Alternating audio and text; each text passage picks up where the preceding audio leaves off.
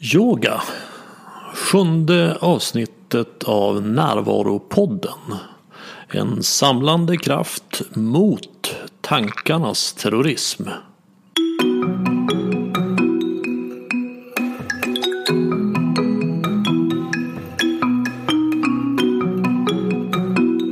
Det här är Bengt Renander och tack till er lyssnare som hör av er med feedback och med tips på gäster till Närvaropodden.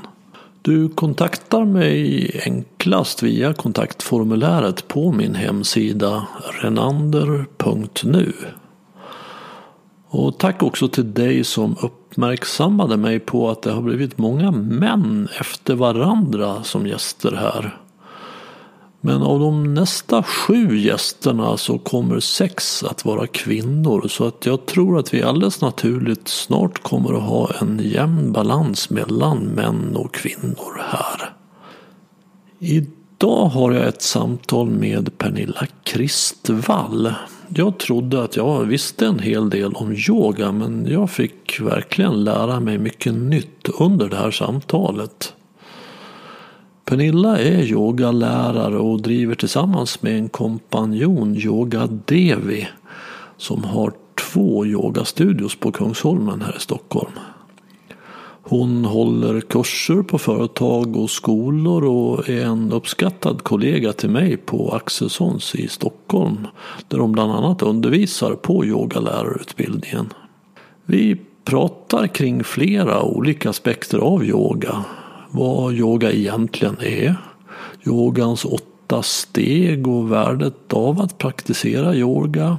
Om att balansera maskulint och feminint och om hur man kan komma igång med en egen yogapraktik. Så här får du Pernilla Kristvall.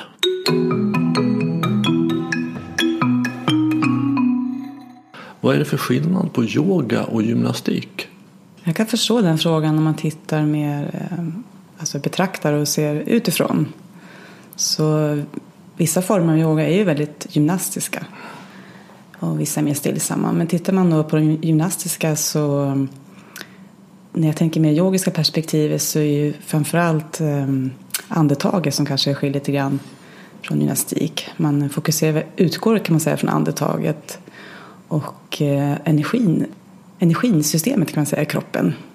Prana, hur den rör sig och hur man kan låsa vissa delar av prana. Och så använder man blicken på ett specifikt sätt för att kunna öka närvaron helt enkelt. Okej. Okay. Så man påverkar inte bara den fysiska kroppen utan även vår energikropp. Mm. Så du säger att man, man låser prana.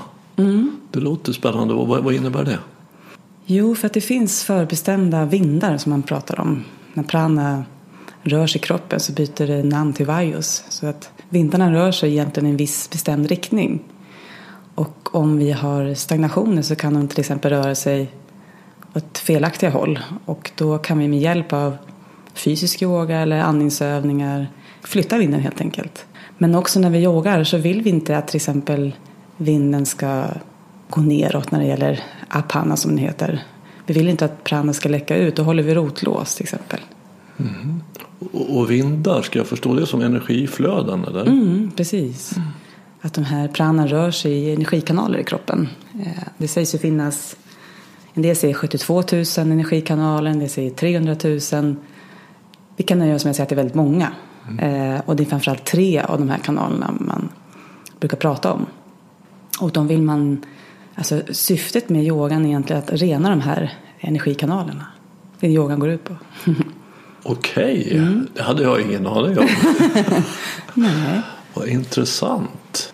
Så det finns tre energikanaler i kroppen och de här yogarörelserna är till för att, att rena dem så att man får bättre energiflöden.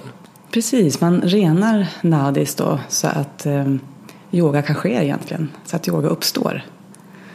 För att vi renar eh, de här tre man brukar prata om då, det kan man säga, det ena representerar vår eh, feminina sida, parasympatiska nervsystemet och det andra det sympatiska nervsystemet, den maskulina delen. Och när de två blir renade då kan vi öppna upp mynningen till vår motorväg, vår huvudkanal, Shoshona Nadi, som Då vill vi få upp energin från bäckenbotten upp till vårt kronchakra. Så att säga. Och då når vi yoga. Och, och när vi har nått yoga, vad har vi nått då? Samadhi som det heter.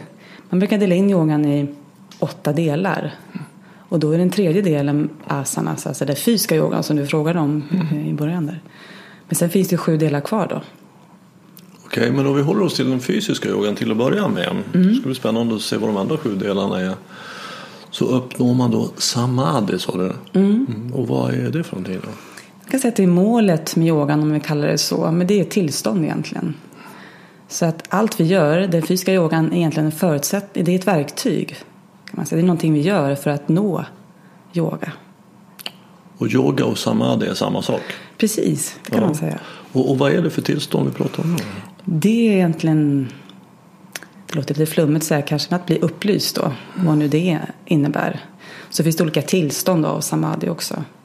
Men man kan se hela yogans filosofidel, eh, tankesätt är att vi slumrar ju. Så vi ska ju väckas upp.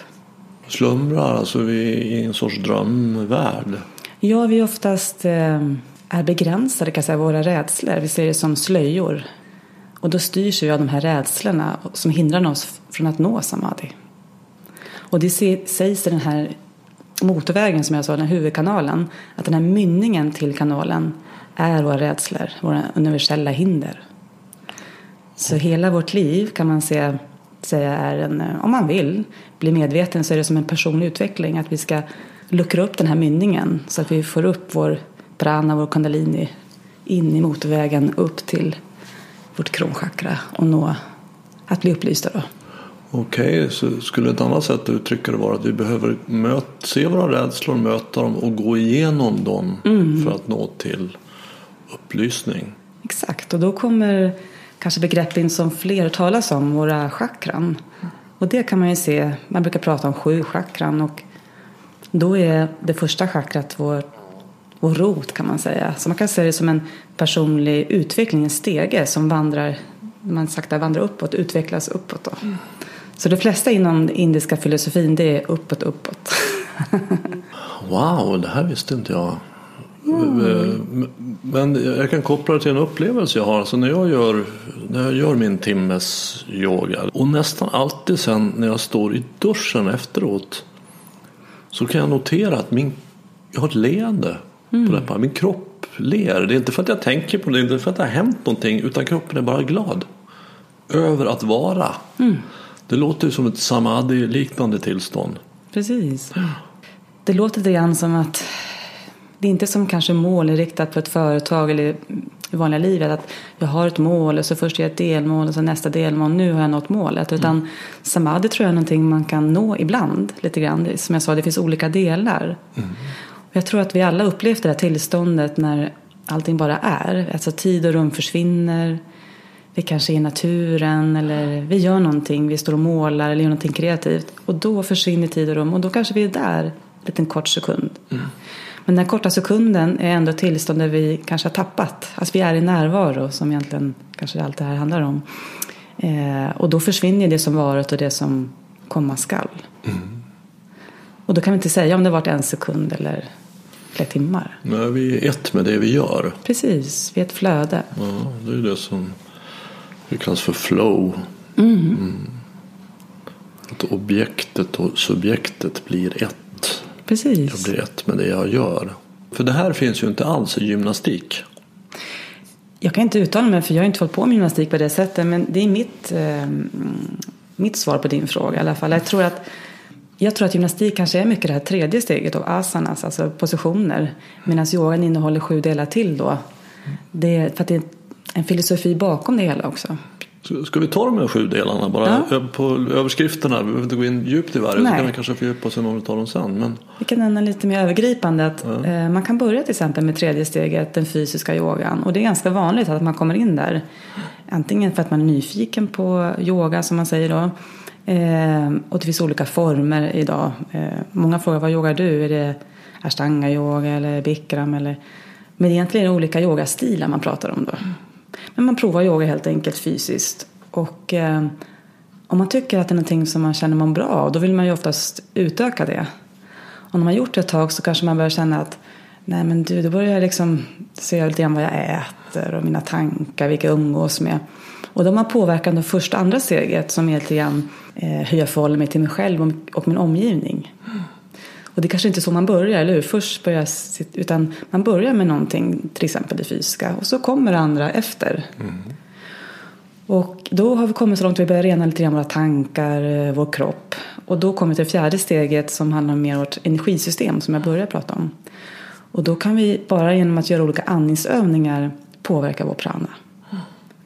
Att om jag nu vill styra till exempel eh, hetta upp kroppen eller kyla ner eller balansera. Då kan jag göra, göra med specifika andningsövningar. Mm. Och det är någonting som man inte kanske bara kan börja med. Mm. Utan då krävs det att vi först har renat det fysiska. För nu kommer vi till mer en subtilare del eh, i det hela. Mm. Och varför gör vi det här? Jo, det kan man säga de första fyra delarna det är ju rena kroppen och sinnet och prana. Så att vi sen kan börja mer stilla oss. Vi börjar öka, dra sinnena tillbaka, vi ökar vår koncentration så vi kan meditera och sen till slut nå då samadhi. Mm. Så allting handlar om ett förberedande till samadhi. Ja. Så de första fyra stegen handlar om ja, hur jag ser på mig själv, hur, ja, vilka jag umgås med, vad jag äter, mm. hur jag rör mig och hur jag andas. Mm. Det är en sorts aktivitet kan man säga. Mm. Och sen så nästa fyra handlar om, om en sorts avspänning då. Ja, en så sakta att verkligen dra uppmärksamheten inåt kan man väl säga. Mm. Och vad är det för steg då? I det? Går... det första koncentration det kan man faktiskt öva i, i den fysiska yogan också. Då pratar jag lite grann om, jag sa tror jag ordet drishti. Det till exempel var jag fäster blicken i varje position. Så redan där kan jag börja öka eller öva min koncentration. Och så är ju livet lite grann där jag lägger mitt fokus. Det är oftast det som utvecklas och växer. Men om jag har splittrat mind och överallt då blir det inte så mycket av någonting. Mm. Så jag verkligen övar på att dra uppmärksamheten inåt. Eh, nästa steg är då att eh, meditera helt enkelt. För att det är ett förutsättning för att kunna nå samadhi. Mm. Men det här är också steg som man kanske bara i små, små mikrodelsekunder det är snart, nu ska jag medit- man säger så här, nu ska jag gå och meditera en timme. Men egentligen det man säger är att nu ska jag gå och sätta mig en stund och öka förutsättningarna för att nå meditation. Mm. Det är egentligen det vi gör. Vi kan inte bestämma, för det är tillstånd, så jag bestämmer inte det själv. Mm. Men däremot tror jag att alla är i det tillståndet precis innan vi somnar och när vi vaknar. Så det är inte så flummigt egentligen, utan det är ett tillstånd som vi vill eftersträva. Mm. Där vi bara är. Och då tänker man i yogans åtta steg då att det, för att det ska ske så måste vi ha mjukat upp kroppen så vi kan sitta i stillhet. Vi måste rena vår energisystem så att det inte är om man säger, dålig energi som vi för upp i, i sinnet helt mm. enkelt. För det är ju sinnet lite grann vi jobbar med. Det är de högre energierna när vi jobbar med meditation ja, och koncentration. Ja, det, det låter ju som att det här finns det en sorts djup eh, kunskap om hur kropp och sinne interagerar. Mm. Som vi inte riktigt har i västerlandet. Nej. Exakt, och det... Där kommer andningen faktiskt in. Eh, precis som yogans steg här. Först har det fysiska och sen på slutet sinnet. Och däremellan var ju andningen, pranayamat. Man ser andningen som en bro, liksom en brygga mellan kroppen och sinnet. Så att sinnet, det, vi, det förstår vi på något sätt att det påverkar min hälsa. Mina tankar påverkar ja, min fysiska kropp och så vidare. Men sen kanske inte alltid är så lätt att, att det är lättare att se på andra än sig själv. Men det verktyg som man kan verkligen använda själv det är ju andningen. Så om jag har väldigt eh, stressat sinne så kan jag egentligen bara ta några djupa andetag så upplever jag plötsligt ett annat nytt sinnestillstånd. Mm. Så andningen kan man säga är det som är yogans verktyg till att påverka kroppen och sinnet. Man kan tvärtom också, man kan ha lite känner sig deprimerad till exempel. Då kan man använda andningen, vissa eh, andningsövningar för att pigga upp. Alla är inte superstressade, eller det är också vissa som bara stänger av. De är stressade men de, hela kroppen och sinnet kan bara stängas av. Som också en sorts flykt. Mm. Gör ingenting. Allt för att fly närvaron egentligen. Mm. Det som är. Mm. För i närvaron tror jag ligger, så vi flyr ifrån det är ju att se verkligheten som den är. Vi vill gärna vara i vår önskan, så här borde det vara. Och också rädsla att så här får det inte bli. Exakt. Ja, dit går ju sinnet, alltså tankarna söker ju sig dit. Framtid, förflutet, rädsla, begär. Och det här låter ju också som att, eh, att vad det handlar om är att träna sin uppmärksamhet. Så att man kan rikta den emot det som är nu. Istället för att den bara dras bort. Den graviterar emot tankevärlden. Så att uppmärksamhet är ju en, en nyckel också. Precis, och det är lite den här koncentrationen, det steget. Eh, dharana, att jag börjar öva på var, var riktar jag mitt fokus. Och då finns det mycket mindfulnessövningar där till exempel. Att jag gör en kroppsskanning eller jag riktar uppmärksamheten mot ljud runt omkring. Eller andetaget eller, så att, eller mellanrum emellan andetag. Man kan ju rikta olika fokus och börja öva så att man eh, övar på koncentration helt enkelt. Jag har en övning jag gör som är så otroligt tydlig. Den, den visar för mig hur närvarande jag är. Och det är att jag, jag står på ett ben. Och sen så tar jag upp eh, foten så jag har den alldeles i, upp mot låret här. Och så har jag händerna eh, mot varandra framför hjärtat. Och så tittar jag rakt fram. Och om jag är närvarande så, så kan jag stå så i balans. Och jag kan också titta åt höger hela vägen och så tittar jag åt vänster hela vägen. Och det går bra. Jag är i balans. Om jag är verkligen bara upplever det som är. Men så fort mina tankar går någon annanstans så tappar jag balansen. Och det där blir så metaforiskt, eh, som bra metaforisk bild. Att när jag är närvarande så är jag i balans. Och när jag går upp i tankevärlden så tappar jag balansen. Ju- Du gör din yoga på morgonen. Mm. Ändå kan det vara olika för dig. Ja, oh ja det, det kan vara väldigt olika. Jag har varit med om att jag inte kunnat göra den. Alltså jag, jag, jag, jag hinner inte Nej. hålla på för ett tag. Och ibland så bara går det direkt. Då tar det två minuter. Och de rörelserna du gör, det är också detsamma i princip varje dag, eller? Ja, det är det. För det påminner om det jag gör. Jag gör en yogastil som heter ashtanga yoga. Och det är just eh, grunden att vi gör samma kan man säga, rörelse varje dag. Vi har lite olika rörelser men man gör i princip samma varje dag och då blir det så tydligt hur allting är föränderligt. För om jag gör samma rörelse varje dag så hur kan, kommer det sig att jag inte klarar det jag gjorde igår och så vidare. Eh, och det är just det tror jag, att då kommer det in det här med livsstilen. Vad gjorde jag igår? Vad åt jag för någonting? Vilka umgicks jag med? Hur mycket har jag sovit? Som inte vi kanske tänker så mycket till, till vardags. Vi säger oftast till varandra så gud vad trött jag är, jag förstår inte varför eller så. Men det är oftast jag själv som har skapat det. Det är inte så konstigt. Nej. Och när man gör någonting samma varje dag, det är då det blir så tydligt. Det kan vara hormonellt eller vad som helst. Eller att det är fullmåne. Eller... Så vi påverkas ju av det som är runt omkring också. Men vi skapar ju såklart samtidigt någonting också. Men att förstå att det inte är lika varje dag. Ja, nej, det blir väldigt påtagligt hur olika det är. Men då blir jag också medveten om det. Att okej, idag nu är det mycket som snurrar här i, i huvudet alldeles uppenbart. Så, jag- så jag är inte ibland, så då behöver jag träna, ta mig ytterligare till nuet. Eller också bara acceptera att det är så idag. Absolut, och det är ju ett sätt att ta mig ytterligare till nuet. För jag är emot det så ökar ju dramat. Precis. Men om jag kan säga att det är så det är just nu, okej, då kommer jag hit. Är du med?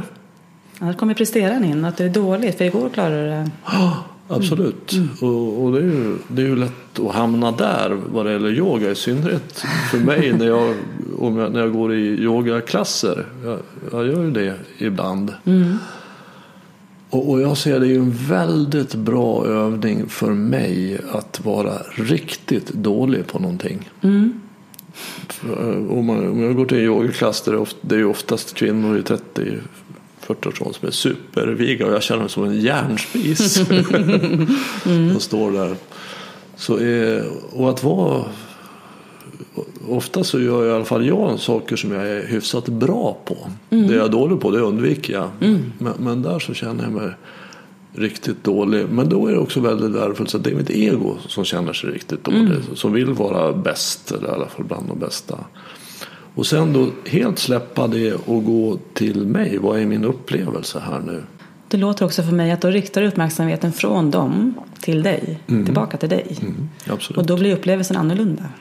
Och då är vi tillbaka till igen de här åtta stegen. Att då är man ju med på det, de sista stegen. Att från att utåtrikta det till att dra uppmärksamheten inåt och uppleva det som är. För det är, det är en fantastisk värld här inne. Så att man inte bara tittar på den eh, fysiska kroppen utan vi har också en energikropp. Och ser hur energin rör sig. Vi har också våra tankar och känslor, vår intuition. Det finns mycket att titta på inåt. Mm. Och att betrakta att man blir lite observeraren. Och inte som du sa, den här, liksom att man inte dömer. Mm. Bara observerar, uppmärksammar och kanske intressant som du sa. Men inte att det kunde vara på ett annat sätt. Det borde vara så här. Mm.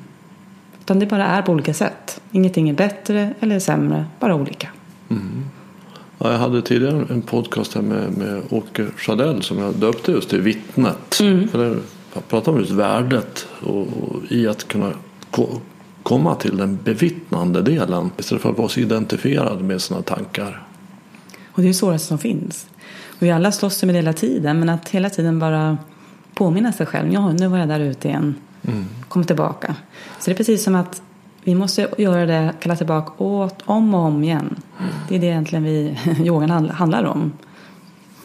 Och därför behöver vi göra så mycket saker, eh, tror jag, för att påminna oss själva hela tiden. Jag tror att de allra flesta människor förknippar yoga egentligen bara med det tredje steget du pratar om, alltså asanas. Mm, absolut. Som är rörelser. Vad, vad möter du när du ska lära ut yoga? Vad är det som är svårt med att lära ut yoga? Men det är nog det att ehm, för mig att förmedla yogan att det inte bara är asanas. Det är det som är, är kanske utmaningen och också det som är inspirationen skulle jag säga. Men det beror på vad, vad syftet är egentligen med eleven som kommer. Den kanske bara vill bli lite mer lugnare eller vigare och då kanske man fastnar ja, vid ett steg. Men eh, ganska så snart om de känner att men gud, det här ger mig någonting, det, det här mår jag bra av. Då vill man utöka kanske yoga som jag sa lite fler dagar i veckan. Och, Jaha, har ni en föreläsning här också? Jaha, har ni en utbildning? Har ni en workshop? Då vill man ha mer av det här som man mår lite bra av. Och sakta se när, när, det här, när yogan blir en del av sin livsstil. Och för mig, jag brukar säga det, vadå livsstil, vad är det? Men det är någonting man gör ofta. Så att det inte får bli så här att, ha, nu ska jag göra det här sju dagar i veckan. För då blir det för mycket. Det är någonting man gör ett kort tag och sen tröttnar man. Men om man gör någonting ofta, om jag gör någonting fyra, fem dagar i veckan, då är det min livsstil. Gör det en dag i veckan, nej, knappast livsstil, det är någonting jag gör ibland. Så någonstans där, när det börjar bli en livsstil, då ser man hur folk eh, börjar förstå att yogan är så mycket mer än fysiska. Och det, är där, det tycker jag är jättehärligt att få vara med på den resan. Och då kanske kommer jag börja fråga, men du vad, vad jag kanske gått yoga på kvällarna, jag att ni yogar här på morgonen. Ja, kom imorgon, vi öppnar studion kvart i sex. Va, kvart i sex? Oj, men sen, jaha, så börjar de yoga på morgonen och då lite grann vi pratade om förut med koncentration, att det är jättestor skillnad att göra, eh, utöva yoga på morgonen och på kvällen. Vad är det för skillnad på det? Därför att på morgonen har vi ju inte upplevt så mycket än, så sinnet är ganska lugnt.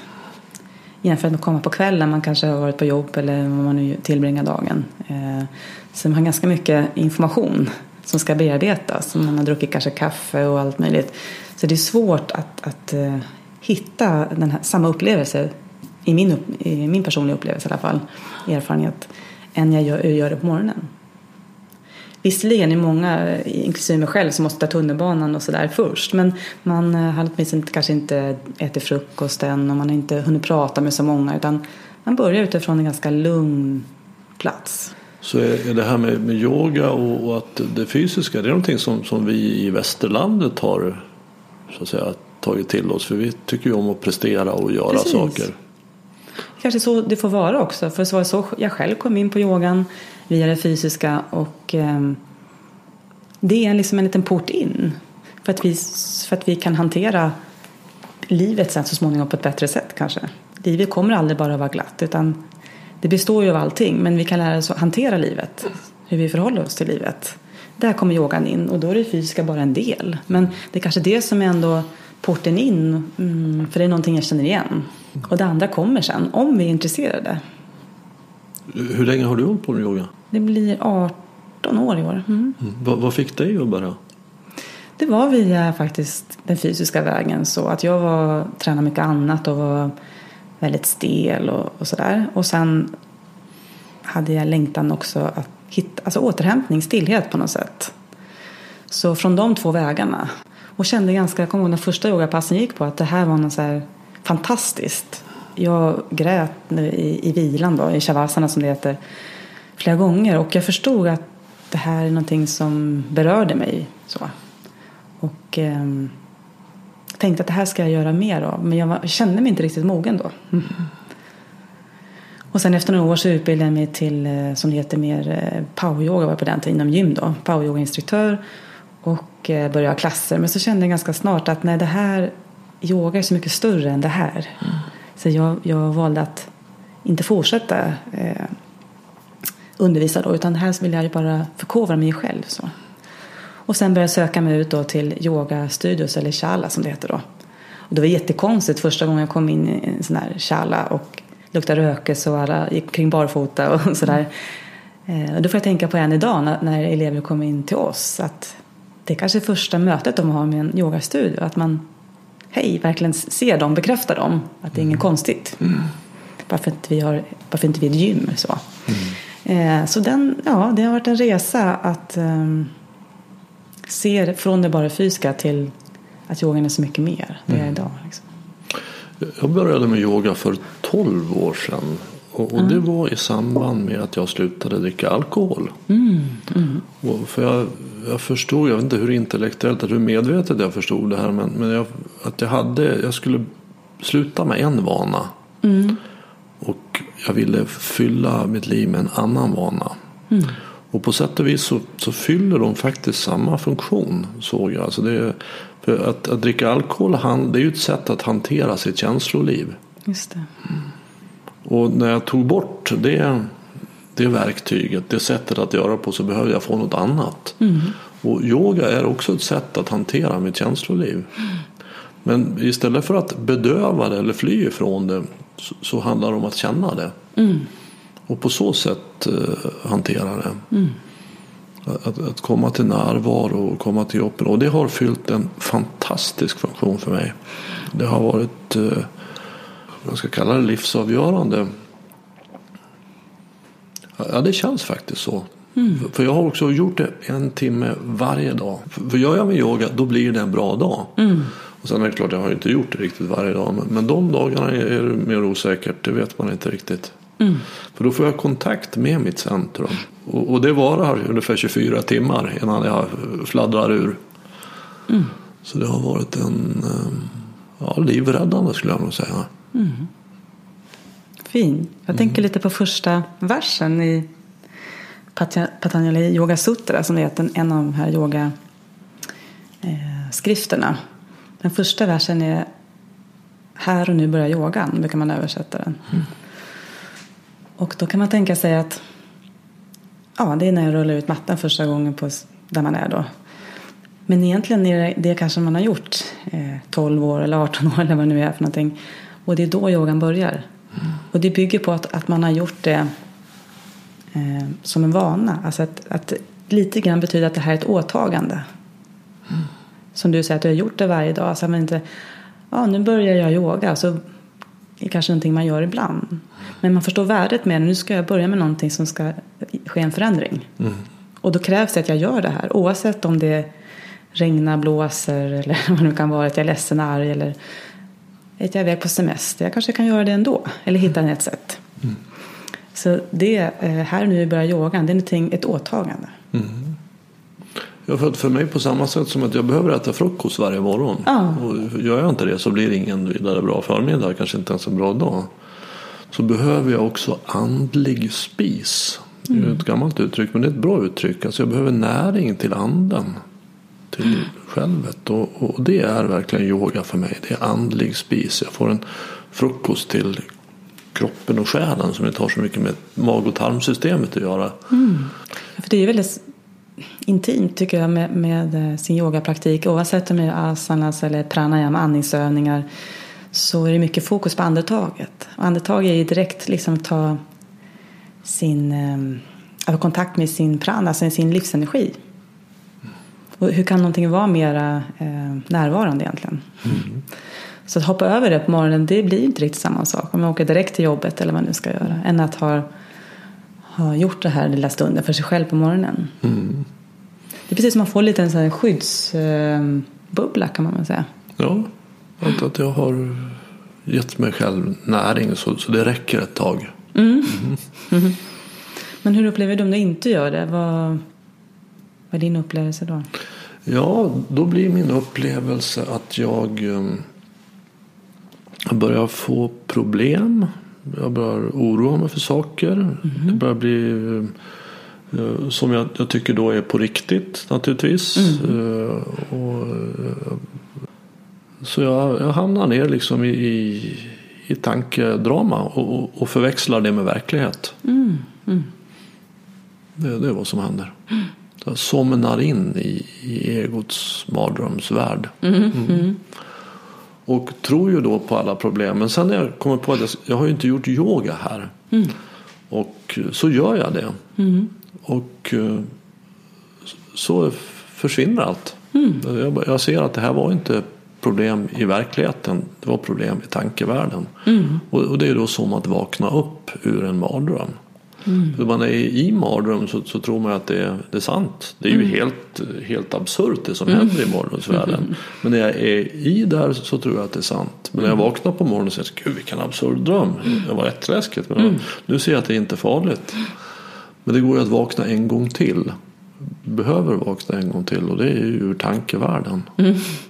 Mm, det var en bra beskrivning. Mm.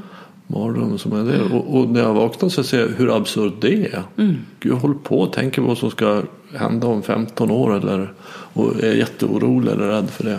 Mm. Istället för att vara med det som är här nu i verkligheten. Så jag har somnat in i tankevärlden. Mm. Och uppmärksamheten har ju en tendens att dras till tankevärlden. Mm. Den dras dit, för det är mycket mer drama där. Det är mycket mer action, händer mycket mer grejer där. Mm. Så en otränad uppmärksamhet, att jag inte kan rikta min uppmärksamhet så hamnar jag där. Mm. Men jag hör att du berättar om yoga så handlar det om att lära sig att rikta sin uppmärksamhet. Rikta, precis, sin närvaro egentligen. Alltså rikta prana. Så.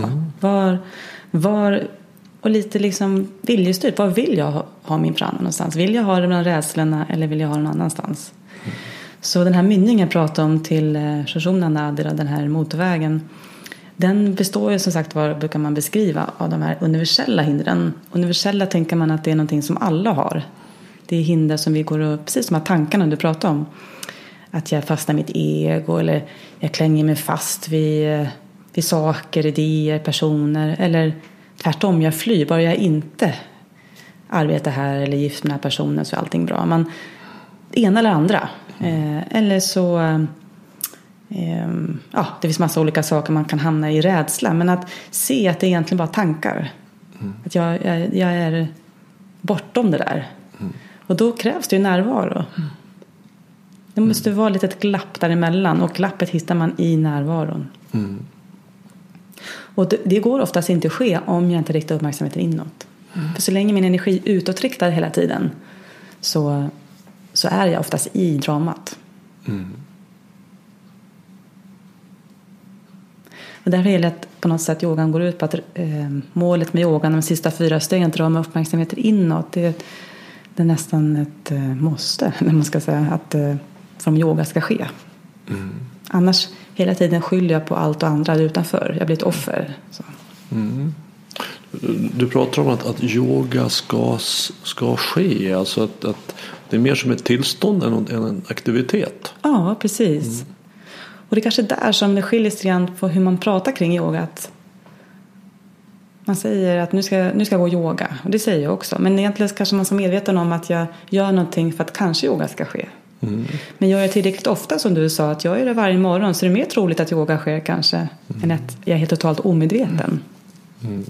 Så, så egentligen skulle man säga att nu, nu ska jag gå och jag hoppas att yoga sker.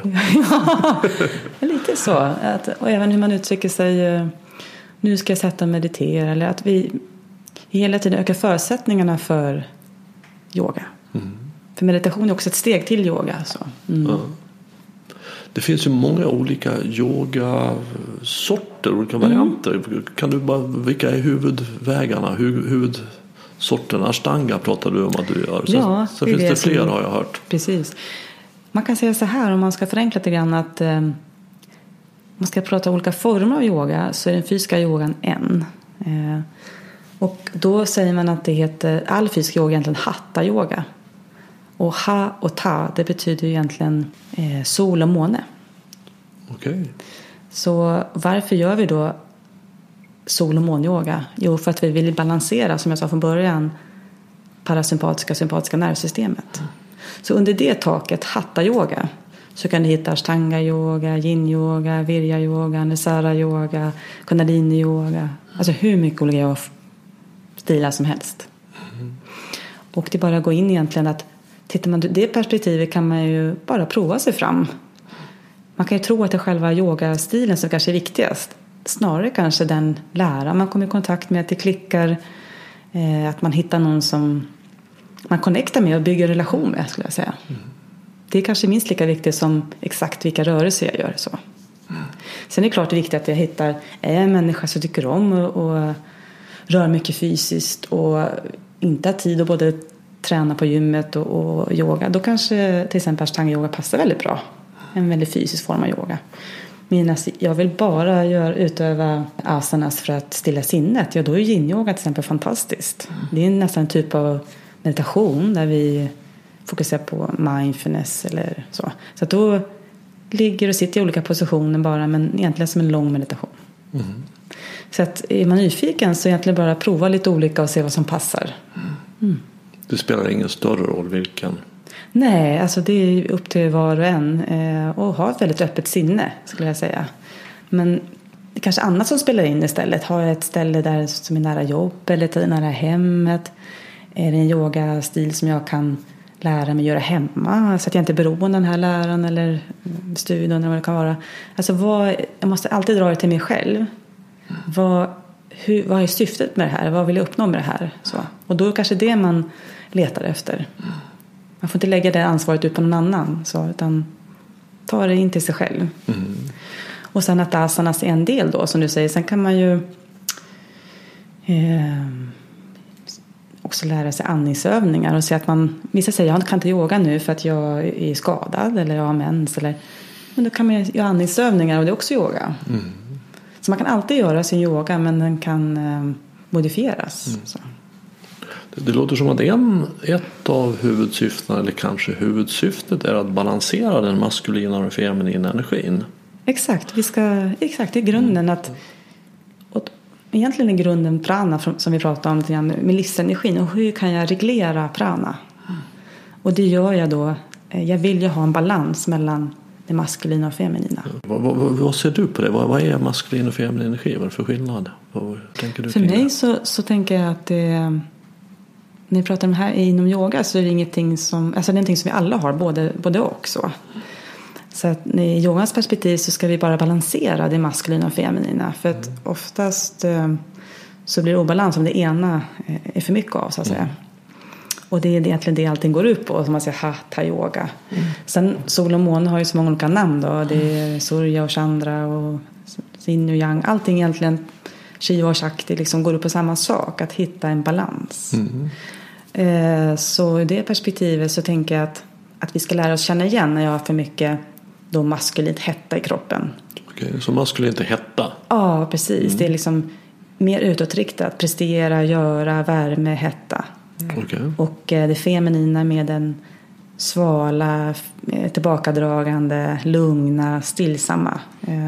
Och då kan rikta uppmärksamheten och vara mer närvarande i det som är själv urskiljande när jag har för mycket hetta eller tvärtom när jag har kanske för mycket stagnation, när jag behöver få igång energin. Och då eh, kan jag reglera det själv lite grann. Vilk, vad är det? Och jag vill göra yoga, men är det verkligen som i mitt fall då ashtanga-yoga jag ska göra nu idag. Jag kanske redan har för mycket hetta i kroppen. Jag kanske ska sätta mig ner och göra lite pranayama, andningsövningar istället idag. Eller jag gör lite yin-yoga eller någonting. Så att jag, jag fortfarande utövar yoga men utifrån det som är. Så att jag tänker utifrån det. Jag kanske inte tänker man och kvinnligt men jag tänker egenskaperna, energin i kroppen som representerar det man, maskulina och feminina. Oavsett om jag är man eller kvinna. Så. Mm. Ja, Jag, jag är ju alltid väldigt noga med att understryka att jag pratar om det maskulin och feminin energi. Och, och, och det är både män och kvinnor har det och behöver det. Och sen så fyller de lite olika funktioner för män och kvinnor och den största skillnaden är sexuellt. Mm. Men i övrigt så behöver ju alla människor naturligtvis både tänka och göra och känna och vara. Behöver både vara aktiv och, och, och vila. Så att vi, vi behöver verkligen ha balanser. Mm. Vad, vad, fyller yoga för funktioner för dig idag? Idag är det ju liksom verkligen min livsstil kan jag säga. För det är också det jag både utövar, praktiserar men dagligen. men det är min eh, det är det jag jobbar med också. Så det är svårt att skilja kanske vad som är mitt intresse och mitt yrke. Och... Men yoga är någonting som måste upplevas. Det är jättesvårt att prata så här om yoga egentligen. För att det är en upplevelsebaserad metod ska man säga. Eh, som bygger på att nå yoga. Så att se yoga som någonting som man utövar. Man praktiserar helt enkelt och det kan ske på olika sätt. Så bara prova. Mm. Och Kanske yoga kan vara ett samtal också till exempel. Tänker jag att eh, om man är nyfiken på yoga, ta ett samtal med en studio i närheten och, och berätta vad, vad, vad, ni är nyfiken på när det gäller yoga. Så kanske den läraren kan guida vad det skulle kunna vara. Mm. Om man är lite nyfiken och utforskar så kanske inte man bara ska gå på ett ställe utan prova flera. Mm. Och prova olika lärare. Och, och lite olika former, inte bara det fysiska kanske utan det finns andra delar av yogan. Du säger att, att göra yoga för att nå yoga så tänker jag att, att målet är vägen och vägen är målet. Mm. Mm. När jag gör det så är jag framme. Och inte gå all in på en gång ska man säga. Det är någonting, när någonting sker organiskt, det är då det blir långsiktigt. Mm. Så börja med någonting, låt det liksom integreras i ditt liv. Gör någonting någon dag i veckan då. Och känns det bra att utöka sen till två dagar i veckan eller man kanske läser lite böcker om det och sen kanske man förändrar någonting mer som jag sa. Men gör inte allt på en gång. Mm. För det slås oftast bara bakut. Mm. Utan tänker man yoga så, och livsstil så kan man lika bra göra det långsamt. Mm. För det, det är ingen brådska egentligen.